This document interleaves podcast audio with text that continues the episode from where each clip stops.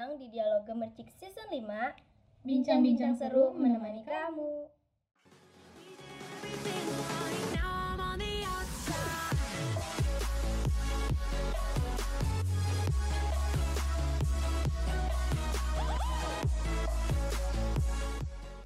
Halo, balik lagi di Dialog Gemercik Season 5 Masih bareng aku, Dede Sukmawati Dan ditemani sama Syadina Tamedian HD.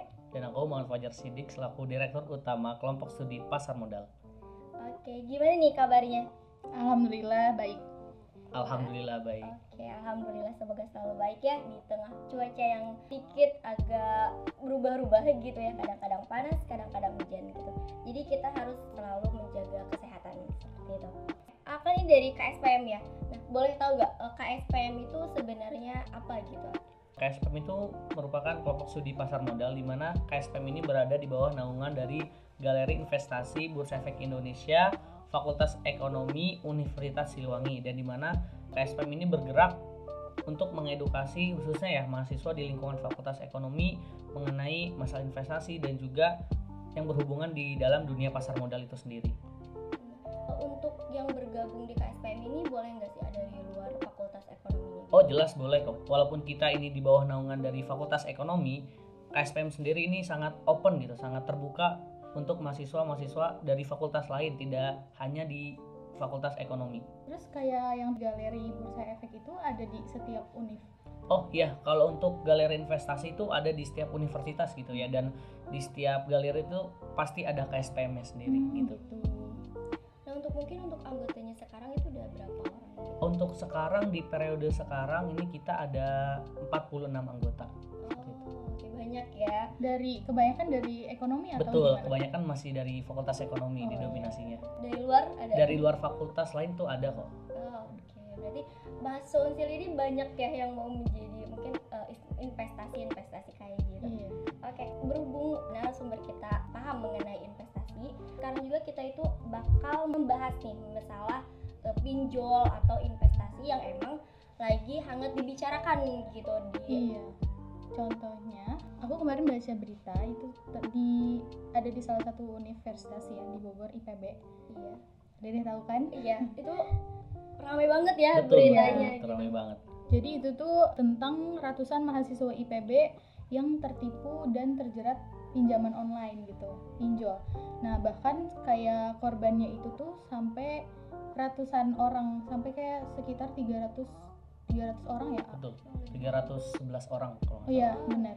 Terus kerugiannya tuh mencapai miliaran kayak sampai 2 miliar salah. Betul, gitu. sampai 2 miliar. Iya, miliar itu gede banyak banget ya. banget Iya, ya, gede banget. gede banget gitu. Nah, mungkin tanggapan A gitu mengenai kasus di PB ini seperti apa gitu. Oke, kalau menurut aku kasus di PB ini mungkin kasus yang mungkin dibilang baru mungkin ya di dunia mahasiswa nih di kalangan civitas akademika kampus gitu ya. Iya.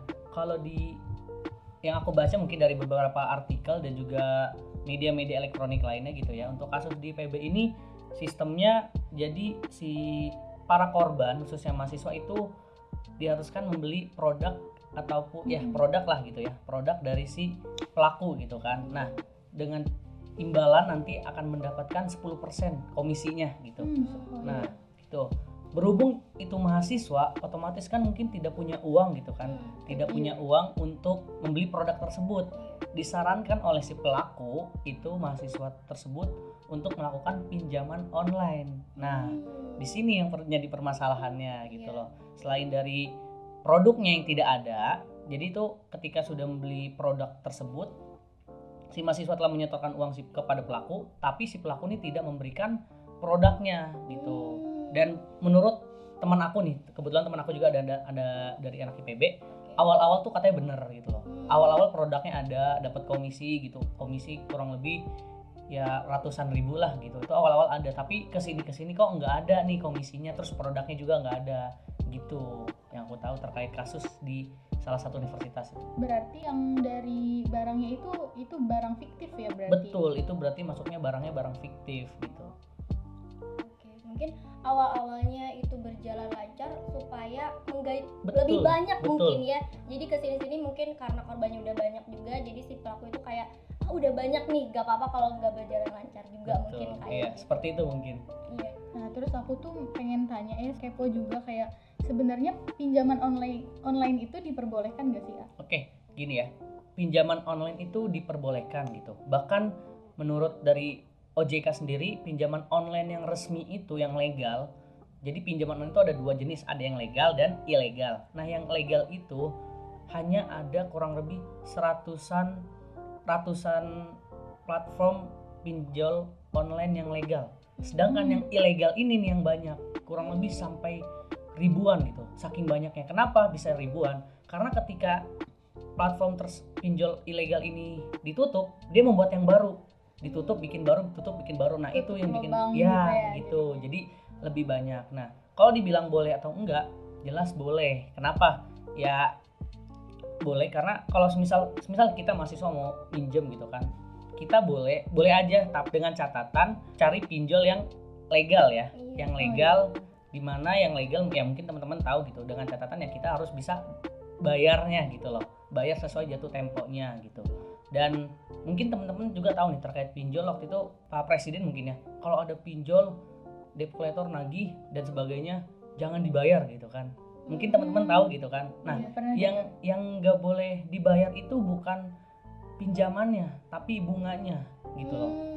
kenapa? Karena kan kalau pinjol ilegal itu sistemnya adalah misal teman-teman minjem satu juta ternyata harus balikinnya adalah 5 juta Iya. ternyata yang lebih besar adalah bunganya Bunga, nah Iya, yang betul. yang dimaksud pada saat itu adalah yang nggak boleh dibayar adalah bunganya tapi teman-teman tetap harus bayar pinjaman pokoknya seperti itu tuh waktu itu ada Hmm. statement seperti itulah ketika waktu itu pinjol lagi rame-ramenya pinjol ilegal yang banyak yang ditutup kan waktu itu kan digeledah sama polisi seperti itu kalau tentang bunganya yang tadi kata presiden bunganya nggak usah dibayar gitu cuma kan e, namanya kita minjem itu kan udah ada kesepakatan di awal gitu nah itu gimana Nah, balik lagi, kalau pinjaman online yang, yang legal ya, yang legal itu bunganya sudah ditentukan oh sekian iya. persen. Nah, yang seperti itu, yang bunganya berkali-kali lipat dari pinjaman pokok, itu yang yang ilegal teman-teman gitu. Hmm. Jadi pinjaman online legal dan ilegal juga itu ada beberapa perbedaan. Kayak misal nih, kalau pinjaman legal itu kan nggak boleh namanya mengakses kontak kita gitu kan. Nah, Hmm. makanya teman-teman mungkin di sini pernah nih dapat SMS temennya. iya Bla, bla. benar pernah kan pasti pernah kan KTP-nya lagi nah ada Iya, KTP-nya gitu kan difotoin. difotoin terus tiba-tiba ada WA-nya gitu Iya, kan iya kok ada yang WA ke kita atas nama teman kita ini Iya. kok dia ah itu tuh yang ilegal teman-teman Hmm. seperti itu kalau yang legal itu nggak boleh seperti itu mungkin yang legal lebih menutup privasi kita betul juga tetap ya menjaga privasi Hmm. karena itu sudah diatur di dalam peraturan otoritas jasa keuangan sendiri seperti itu Oke. Iya sih banyak banget Banyak ya, banget sama itu ya foto juga Betul. ada disebar pokoknya Hmm, privasinya kalau kayak gitu bisa ngebaca kontak si orang yang minjem Betul. juga Nah, jadi itu- kalau kita sekontak sama orang yang minjem mungkin si pinjol bisa ngelacak kontak-kontaknya dia Nah. gitu jadi ke kita juga bakal ada gitu kalau kita sekontak sama orang yang minjem mungkin Hmm. kayak gitu itu pun nah itu nggak boleh ya iya itu nggak boleh sebenarnya seperti itu dan setahu aku juga yang biasanya yang pinjaman online itu juga ngasih kontak keluarga terdekatnya gitu biasanya Hmm. jadi biar itu sebagai jaminan juga ya Nah, kalau kalau hanya kontak keluarga terdekat nggak masalah, itu Iya. boleh, tapi nggak boleh mengakses kontak kita gitu loh. oh iya kan ada tuh kan biasanya kan ada tuh asep-asep-asep kan ketika awal mau pinjol, nah kayak gitu.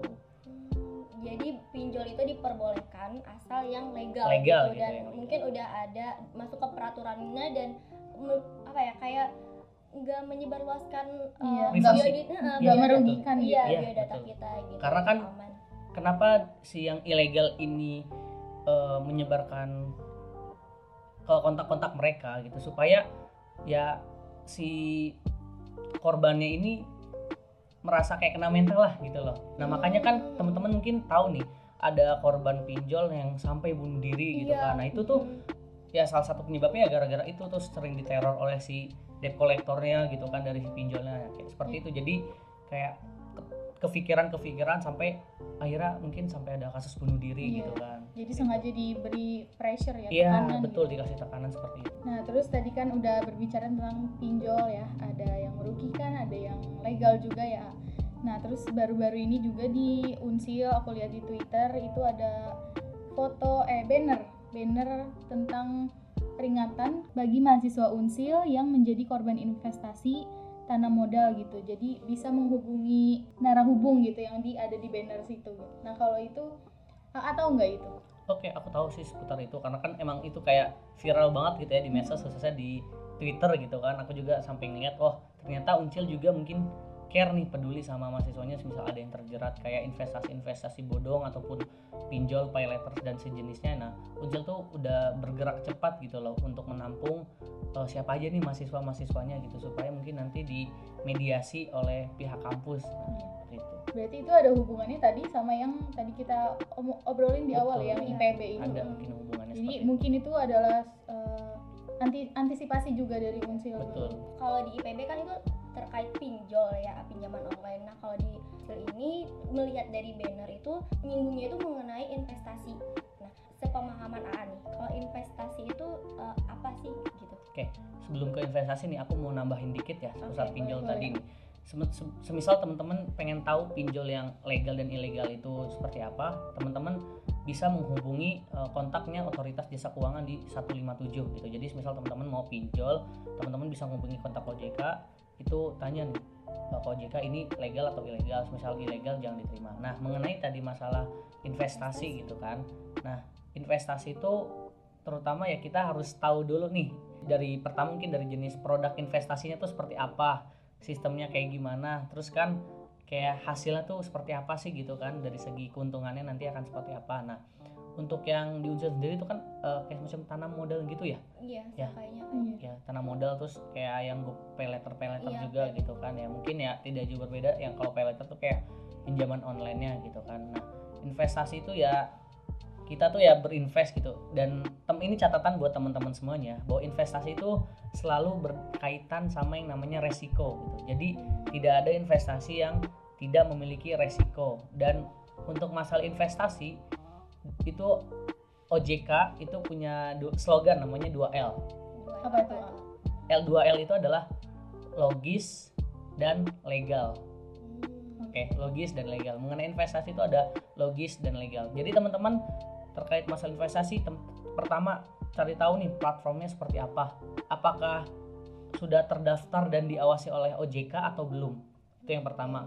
Kedua, sistem investasinya itu seperti apa gitu. Dan ketiga ya terkait masalah mungkin bagi hasilnya seperti apa gitu. Dan investasi pun sekarang ini khususnya di kalangan mahasiswa ya itu banyak nih teman-teman mas- mahasiswa yang mungkin terjerat investasi bodong karena kurangnya literasi keuangan gitu ya literasi keuangan mengenai investasi yang baik dan betul tuh seperti apa gitu Oke, apalagi kita di lingkungan mahasiswa gitu ya. Kita tuh mahasiswa itu kan identik dengan butuh uang mungkin ya. Betul. Jadi kalau misalkan ada orang yang emang ngomongnya mengenai investasi dan dia itu kayak apa ya?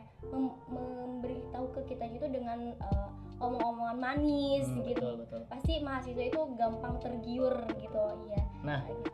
Aku mau sedikit nambahin nih. Betul tadi yang disampaikan Dede terkait masalah investasi. Betul si pelaku ini di awal-awal mengenai investasi akan memberi iming-imingi dengan omongan manis. Misal dengan return return itu eh, keuntungan gitu ya. Sekian persen semisal sampai 40% sehari gitu akan ada Hmm. return seperti itu. Nah itu yang dimaksud 2L tadi legal dan logis. Logis enggak sih 40% sehari gitu loh? Enggak ya. nggak logis gitu kan? Toh investasi di yang pasti-pasti misal ya contoh aku ngasih contoh di saham gitu kan di saham perusahaan XXX misal.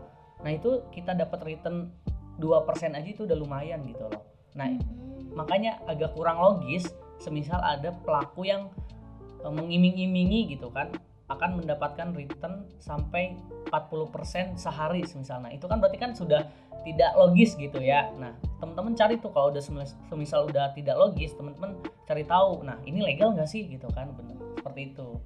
Oke, jadi kayak tadi gitu ya investasi yang aman juga itu yang legal gitu yang ada udah mungkin udah ada peraturannya dan mungkin apa ya kayak di awal itu udah yang emang dua belah pihak itu sama-sama menguntungkan gitu mungkin dan emang bener-bener enggak omongan manis gitu tapi bisa terbukti omongannya gitu seperti itu. Nah mungkin ada juga ya investasi bodong gitu. Nah eh, yang dimaksud investasi bodong itu kayak gimana gitu? investasi bodong mungkin teman-teman tahu nih ya kasus yang beberapa waktu yang lalu mungkin di awal tahun kita diramaikan dengan kasus binomo dan Oh oleh iya. Indra Kents dan Doni Salmanan Oh gitu iya, kan. Oh iya, itu Kita- rame banget. iya itu ramai banget kan dan korbannya sampai ratusan dan Iya. uangnya tuh sampai miliaran gitu kan atau mungkin triliunan mungkin kan terkait korban investasi. Nah, itu mungkin dibilang salah satu investasi bodong di mana nasabah menyetorkan eh, uang ke si pelaku dan nanti oleh si pelaku akan dilipat gandakan dan nanti si nasabah akan mendapatkan keuntungan sekian persen. Nah, nah yang dilakukan oleh kedua pelaku tersebut itu lebih ke binomo sih sebenarnya. Ke binomo itu kan kalau dibilang legal jelas enggak karena tidak dari segi platformnya juga apa ya berbeda dengan yang namanya di dunia pasar modal gitu. Jadi kalau kalau kayak forex dan sebagainya itu diawasinya oleh Bapepti bukan OJK gitu loh. Kalau apa? Bapepti itu tuh jadi apa? Bapepti itu kayak yang mengawasi investasi tapi bukan di luar pasar modal gitu loh Hmm. jadi kayak semacam buat komoditasnya gitu lah Oh, Tuh, kayak mata uang asing gitu Nah itu yang Bapepti. Kalau di otoritas jasa keuangan khususnya di Bursa Efek Indonesia itu lebih ke pasar modal kayak saham-saham perusahaan terbuka yang ada di Indonesia, terus juga ada obligasi dan reksadana suku dan nah itu Hmm. diawasi oleh OJK dan juga di, di bawah naungan Bursa Efek Indonesia. Nah kalau investasi bodong ini ya itu tadi dia itu satu kita harus nyetorkan modal dengan iming-iming akan mendapatkan return yang besar gitu kan. Ternyata tidak, Tidak gitu ada. kan gitu. Iya. nah itu seperti itu. Kalau investasi bodong tuh siklusnya hampir sama teman-teman. Jadi si pelaku tuh selalu menawarkan return yang besar terus keuntungan yang besar gitu. Seperti itu. Nah kalau investasi yang sebenarnya adalah investasi selalu beriringan sama yang namanya resiko. Kalau tidak ada resiko dalam investasi nah itu teman-teman harus waspadai gitu loh kalau si pelakunya ini menawarkan ayo investasi sama saya eh, keuntungan 40% tidak ada resikonya nih sama sekali nah itu teman-teman harus hindari karena sangat tidak logis gitu investasi itu tidak beriringan sama yang namanya resiko gitu Berarti yang iming-iming kayak gitu tuh harus dikritisi lagi gitu ya Betul. sama kitanya Kita- sendiri. mahasiswa harus bisa lebih kritis nih terhadap Iya. hal-hal seperti itu gitu dan bis harus punya wawasan tersendiri gitu mahasiswa tuh harus punya wawasan mengenai investasi yang baik dan benar tuh seperti apa teman-teman harus bisa cari tahu sendiri gitu informasinya seperti itu Oke. Ya apalagi kalau berbicara tentang uang gitu bukan hanya mahasiswa aja sih ya. Iya. Mungkin banyak orang itu eh, sensitif gitu Betul. dan emang kalau misalkan udah bicara tentang uang dan emang menguntungkan banyak gitu sama kitanya ya pasti mau mau aja Betul, gitu. Jadi harus lebih berhati-hati lagi mungkin ya terkait investasi gitu. Nah mungkin ada nggak sih ah, dari A gitu eh, investasi-investasi yang emang udah legal gitu. Eh, misalkan ah, ah, nama-namanya mungkin Oke. gitu. investasi yang ilegal ya kalau yang saya sudah terjun gitu kan saya udah menjadi investor gitu kan saya udah menjadi investor dan sudah terdaftar juga di Bursa Efek Indonesia gitu selaku investor lah gitu Oh, bahasanya jadi teman-teman nih bisa memulai investasi sesuai profil resiko teman-teman sendiri gitu jadi di pasar modal eh sorry ya di pasar modal di Bursa Efek Indonesia itu sendiri tuh banyak eh, jenis-jenis investasinya nih teman-teman. Apakah mau ke saham mau ke reksadana mau ke obligasi atau mau mau ke suku? Nah itu bisa teman-teman gitu. Jadi disesuaikan dengan kemampuan dan juga profil resiko teman-teman. Nah terutama khususnya ya di kelompok studi pasar modal itu sendiri. Nah itu kita lebih terjunnya di saham gitu teman-teman. Jadi kita pertama sih mengedukasi teman-teman di internal mungkin ya gitu ya terkait investasi yang baik dan benar itu seperti apa nah kalau kita tuh lebih condongnya ke saham gitu jadi kita semisal nih teman-teman kan tahu ya kalau di saham itu banyak perusahaan ada yang ada sekitar kita semisal kayak Telkom, XL, Iya, iya. Indosat, terus uh, Un- Unilever. Nah, itu kan perusahaan-perusahaan yang sudah tercatat di Bursa Efek Indonesia dan teman-teman bisa gitu untuk membeli sahamnya gitu loh. Nah, itu investasi-investasi yang sudah legal gitu. Contohnya ya tadi saham gitu. Dan untuk platform-platform sekuritasnya sendiri itu sudah banyak ya. Misal adalah beberapa perusahaan sekuritas yang tidak asing di telinga teman-teman seperti Ajaib, Stockbit, nah seperti itu ya mungkin mungkin teman-teman sudah tidak asing. Nah, itu investasi-investasi yang sudah apa ya sudah ileg, sudah legal lah, sudah legal dan sudah diawasi juga oleh OJK selaku eh, regulator gitu dan di OJK sendiri ada subbagian namanya pengawasan pasar modal gitu. Jadi kan pasar modal sendiri itu sudah diawasi oleh OJK selaku regulator. Jadi teman-teman nggak perlu takut untuk mulai investasi di pasar modal itu sendiri gitu. Hmm, tadi kan di- A juga nyebutin udah berinvestasi gitu. Kalau boleh tahu udah berapa lama gitu? Aku mulai investasi itu semenjak jadi mahasiswa sih. Oh udah lama Iya, berarti. ya? jadi berapa tahun? dari tahun 2019 kurang lebih hampir tiga atau empat tahun mungkin ya Oh, gitu iya. bisa Jadi mulai dari apa uh, waktu itu? Oke, aku mulai waktu itu sih pertama sih diajak temen gitu kan, diajak temen yang udah ngerti di pasar modal khususnya di saham gitu ya. Jadi temen aku tuh udah ngerti terkait saham. Nah kemudian aku diajak eh, untuk buka apa untuk download salah satu aplikasi sekuritas. Nah kemudian aku daftar di aplikasi sekuritas tersebut, terus aku eh, beli salah satu saham gitu ya, saham sektor batu bara lah ada waktu itu yang masih murah dan aku jual di harga yang tertinggi waktu itu ya dan returnnya sampai 200% dalam Wow. waktu 2 tahun gitu. Oh dalam du- waktu Dua dua tahun ya, dua tahun gitu. Nah, seperti itu sih. Jadi untuk memulainya pun ya satu gitu kan ya balik lagi ke profil resiko kita sama jenis instrumentasi up- investasi mana nih yang cocok sama kita gitu. Jadi dibalik lagi. Kalau aku sih lebih enaknya di saham gitu dibanding reksadana. Karena kalau saham itu kan returnnya ya memang sih high risk high return gitu. Oh, Jadi iya, balance. balance gitu kan. Jadi resikonya tinggi keuntungannya pun akan tinggi. Nah seperti itu itu saya mengambil prinsip seperti itu. Jadi kalau kita pengen dapat keuntungan yang tinggi ya kita juga harus mau nih ngambil resiko yang tinggi. Nah seperti itu. Kalau di saham tuh seperti itu. Dan kalau di reksadana khususnya ya teman-teman kalau di reksadana sendiri itu resikonya rendah berarti kan keuntungannya pun rendah gitu. Nah jadi mungkin bisa dibilang khususnya pemula bisa mulai nih bisa dari reksadana ataupun saham-saham yang memang teman-teman kenal produknya ada di sekitar kita. Itu mungkin bisa dimulai dari hal-hal tersebut seperti itu. Oke, Eh, mungkin ada yang A tahu gitu dampak buruk dari kita mengikuti investasi bodong atau pinjaman online gitu. Oh iya, kan banyak juga ya kasus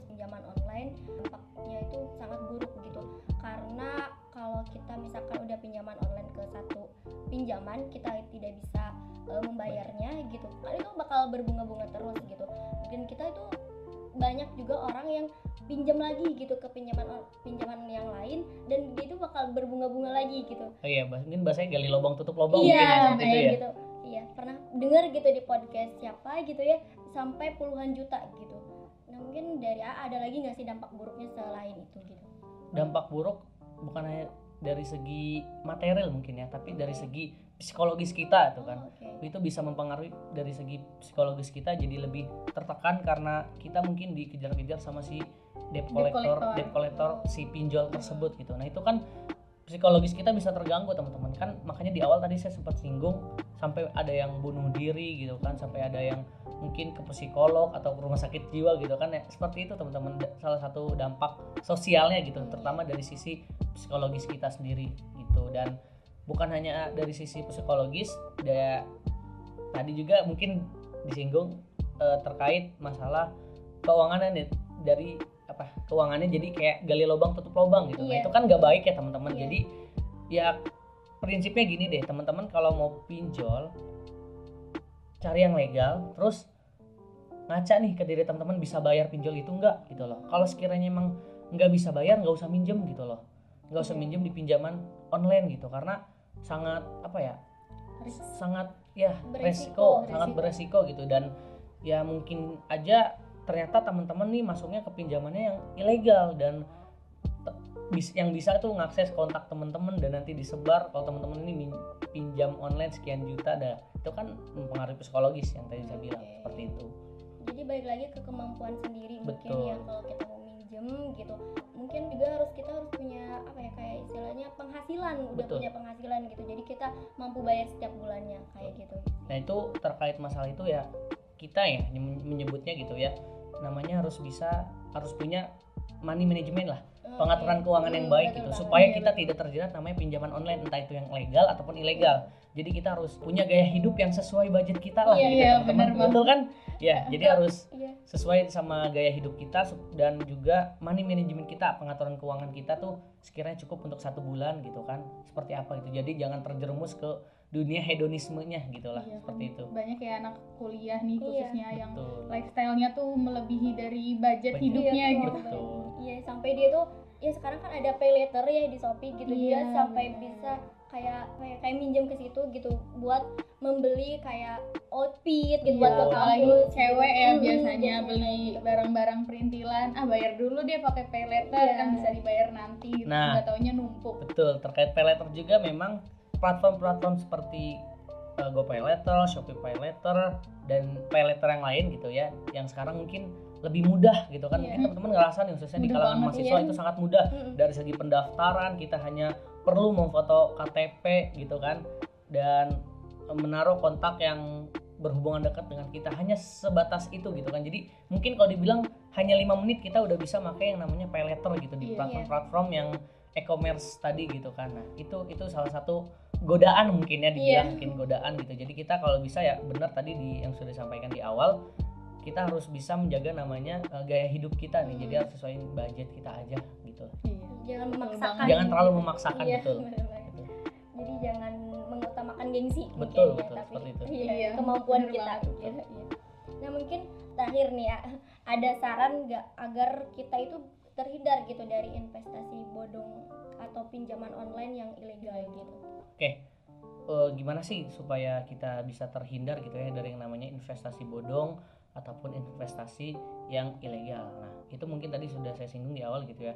Cara-caranya adalah yang pertama teman-teman harus tahu investasi yang ilegal dan investasi yang ilegal dan bodong itu seperti apa gitu kan dan dari otoritas jasa keuangan sendiri atau OJK gitu ya dan kebetulan kita juga di Tasik ada OJK Tasikmalaya nah teman-teman itu bisa banget untuk main-main ke OJK Tasik untuk bertanya-tanya nih mengenai eh, investasi misal teman-teman ada investasi A nih ada yang nawarin. Nah teman-teman bisa langsung tanya aja tuh ke OJK entah bisa lewat kontak OJK-nya ataupun bisa langsung tanya ke OJK langsung mengenai ini investasinya legal atau enggak. Jadi teman-teman harus bisa memvalidasi terlebih dahulu untuk Hmm. sebelum terjun ke in- dunia investasi gitu.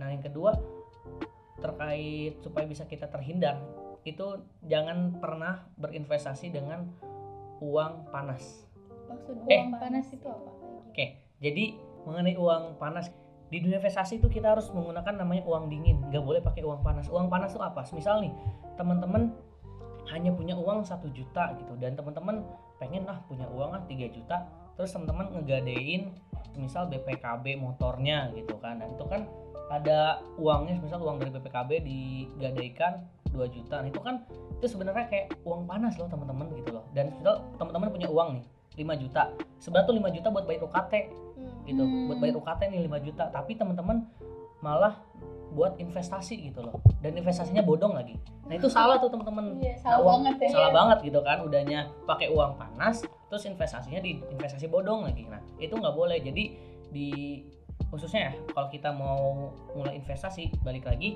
itu kita harus pakai namanya uang dingin. Di mana uang dingin merupakan uang yang sekiranya tidak kita pakai dalam jangka waktu dekat. Dekat lah gitu dan bisa kita pakai uang yang lain lah misal seperti itu kalau uang dingin gitu. Jadi balik lagi saya saya tegaskan untuk investasi kita harus pakai namanya uang dingin. Nah kemudian supaya teman-teman tidak terjerumus gitu ya ke dunia investasi yang yang ilegal dan juga bodong? Teman-teman bisa banget nih selalu pantengin Instagram KSPM Unsil gitu ya. Apa di oh KSPM titik KSPM titik unsil nah untuk nama. Instagramnya. Di situ kita selalu memberi ada kok beberapa postingan-postingan kita di Instagram itu eh, terkait edukasi investasi bodong atau ilegal tuh gimana gitu kan dan gimana sih untuk cara menginvestasi. Dari situ kita sudah sudah memberikan edukasi-edukasi gitu supaya teman-teman khususnya di lingkungan Universitas Siloam itu tidak terjerat gitu. Dan teman-teman juga nanti mungkin bisa mengikuti kegiatan-kegiatan yang diselenggarakan oleh KSPM gitu. Karena kegiatan-kegiatan kita itu melihat dari kebutuhan mahasiswa itu sendiri gitu loh seperti itu. Khususnya di yang berkaitan sama investasi gitu supaya teman-teman tidak terjerumus yang namanya oleh investasi bodong ataupun investasi ilegal tadi seperti itu. Aku mau nanya tadi kan ada yang OJK Tasik itu di mana daerah oke tempat. untuk OJK Tasik ya teman-teman ada tuh OJK Tasik itu kan lokasinya di Hajet ya teman-teman bisa nih ada daerah Hajet deket-deket AP lah deket-deket Mhm. AP nanti teman-teman eh, bisa main-main ke OJK untuk nanya-nanya nih masalah investasi. Misal teman-teman tadi yang sudah aku bilang ya misal teman-teman ada investasi menawarkan investasi ke teman-teman teman-teman bisa tuh langsung tanya ke OJK khususnya di bagian pengawasan pasar modal atau investasi Hmm. itu bisa langsung tanya ini investasinya legal atau ilegal misal ini investasinya ilegal teman-teman bisa langsung laporkan ke situ aja oh ternyata ini ilegal mohon untuk ditindak gitu kan oleh Oh, OJK iya, seperti itu. iya. nah seperti itu mungkin Nah dari yang tadi udah diobrolin nih, ada nggak misalkan kayak closing statement dari AA gitu? Oke, closing statement dari aku yang pertama, aku selalu menegaskan, ayo teman-teman boleh untuk mulai investasi, tapi investasi yang legal gitu ya teman-teman. Nanti mungkin bisa lihat beberapa postingan di KSP Munsil. Yang kedua, mulailah investasi sejak dini gitu, sejak sekarang supaya nanti ketika teman-teman sudah punya penghasilan tidak bingung untuk mengelola keuangannya tuh di mana gitu kan. Selanjutnya dari saya jangan pernah investasi dengan uang panas. Mulailah investasi dengan uang, dingin. Nah, seperti itu. Dan selanjutnya adalah teman-teman harus bisa yang namanya diversifikasi dalam di dunia investasi. Apa sih diversifikasi? Teman-teman harus bagi-bagi instrumen investasinya di berbagai sektor. Semisal teman-teman sekarang udah investasi emas gitu kan. Sekarang kan banyak kan investasi emas batangan dari lo emas batangan lah. Terus teman-teman diversifikasi selain dari emas, misal teman-teman punya kos-kosan gitu. Nah, itu itu Hmm. salah satu bentuk diversifikasi dalam dunia investasi. Jadi tidak hanya dalam satu sektor saja gitu. Wah, seru banget ya. Oh iya seru hari banget ini ya topik hari ini yang lumayan sebenarnya lumayan berat ya, cuma Iya, dibungkus dengan asik gitu. iya, bener gak kerasa ya waktu Iya, nggak kerasa. Oke. Nah berarti, nah buat teman-teman juga berarti pinjaman online itu boleh asal yang legal gitu, oke. Dan investasi juga teman-teman harus benahi dulu nih investasinya bodong atau enggak gitu. Terus harus dibarengin sama apa tadi namanya literasi keuangan Betul. ya. Literasi Dari- kita juga tahu Iya. nih investasi yang baik dan benar itu seperti apa gitu. Iya benar. Oke, mungkin buat teman-teman ma- yang mau eh, lebih lanjut gitu mengenai investasi ini boleh tadi yang udah disebutin boleh konsul ke Instagramnya KSPM. KSPM Unsil. Oke. Boleh, boleh banget. Dibolehkan banget Boleh. gitu, oke. Instagramnya juga postingannya ya. Betul. Oke, ya biar nggak terjerat ke yang bodong-bodong gitu. Oke. Nah mungkin sekian bincang-bincang pada podcast kali ini. Sampai jumpa di episode selanjutnya. Tetap jaga kesehatan dan jangan lupa follow Dialog Gemercik di Spotify untuk mendengarkan podcast kami. Dan jangan lupa follow di all sosial media di Instagram, Twitter, dan YouTube. Dan jangan lupa kunjungi web Gemercik di gemercikmedia.com untuk terus update berita terbaru. Akhir kata, terima kasih dan sampai jumpa.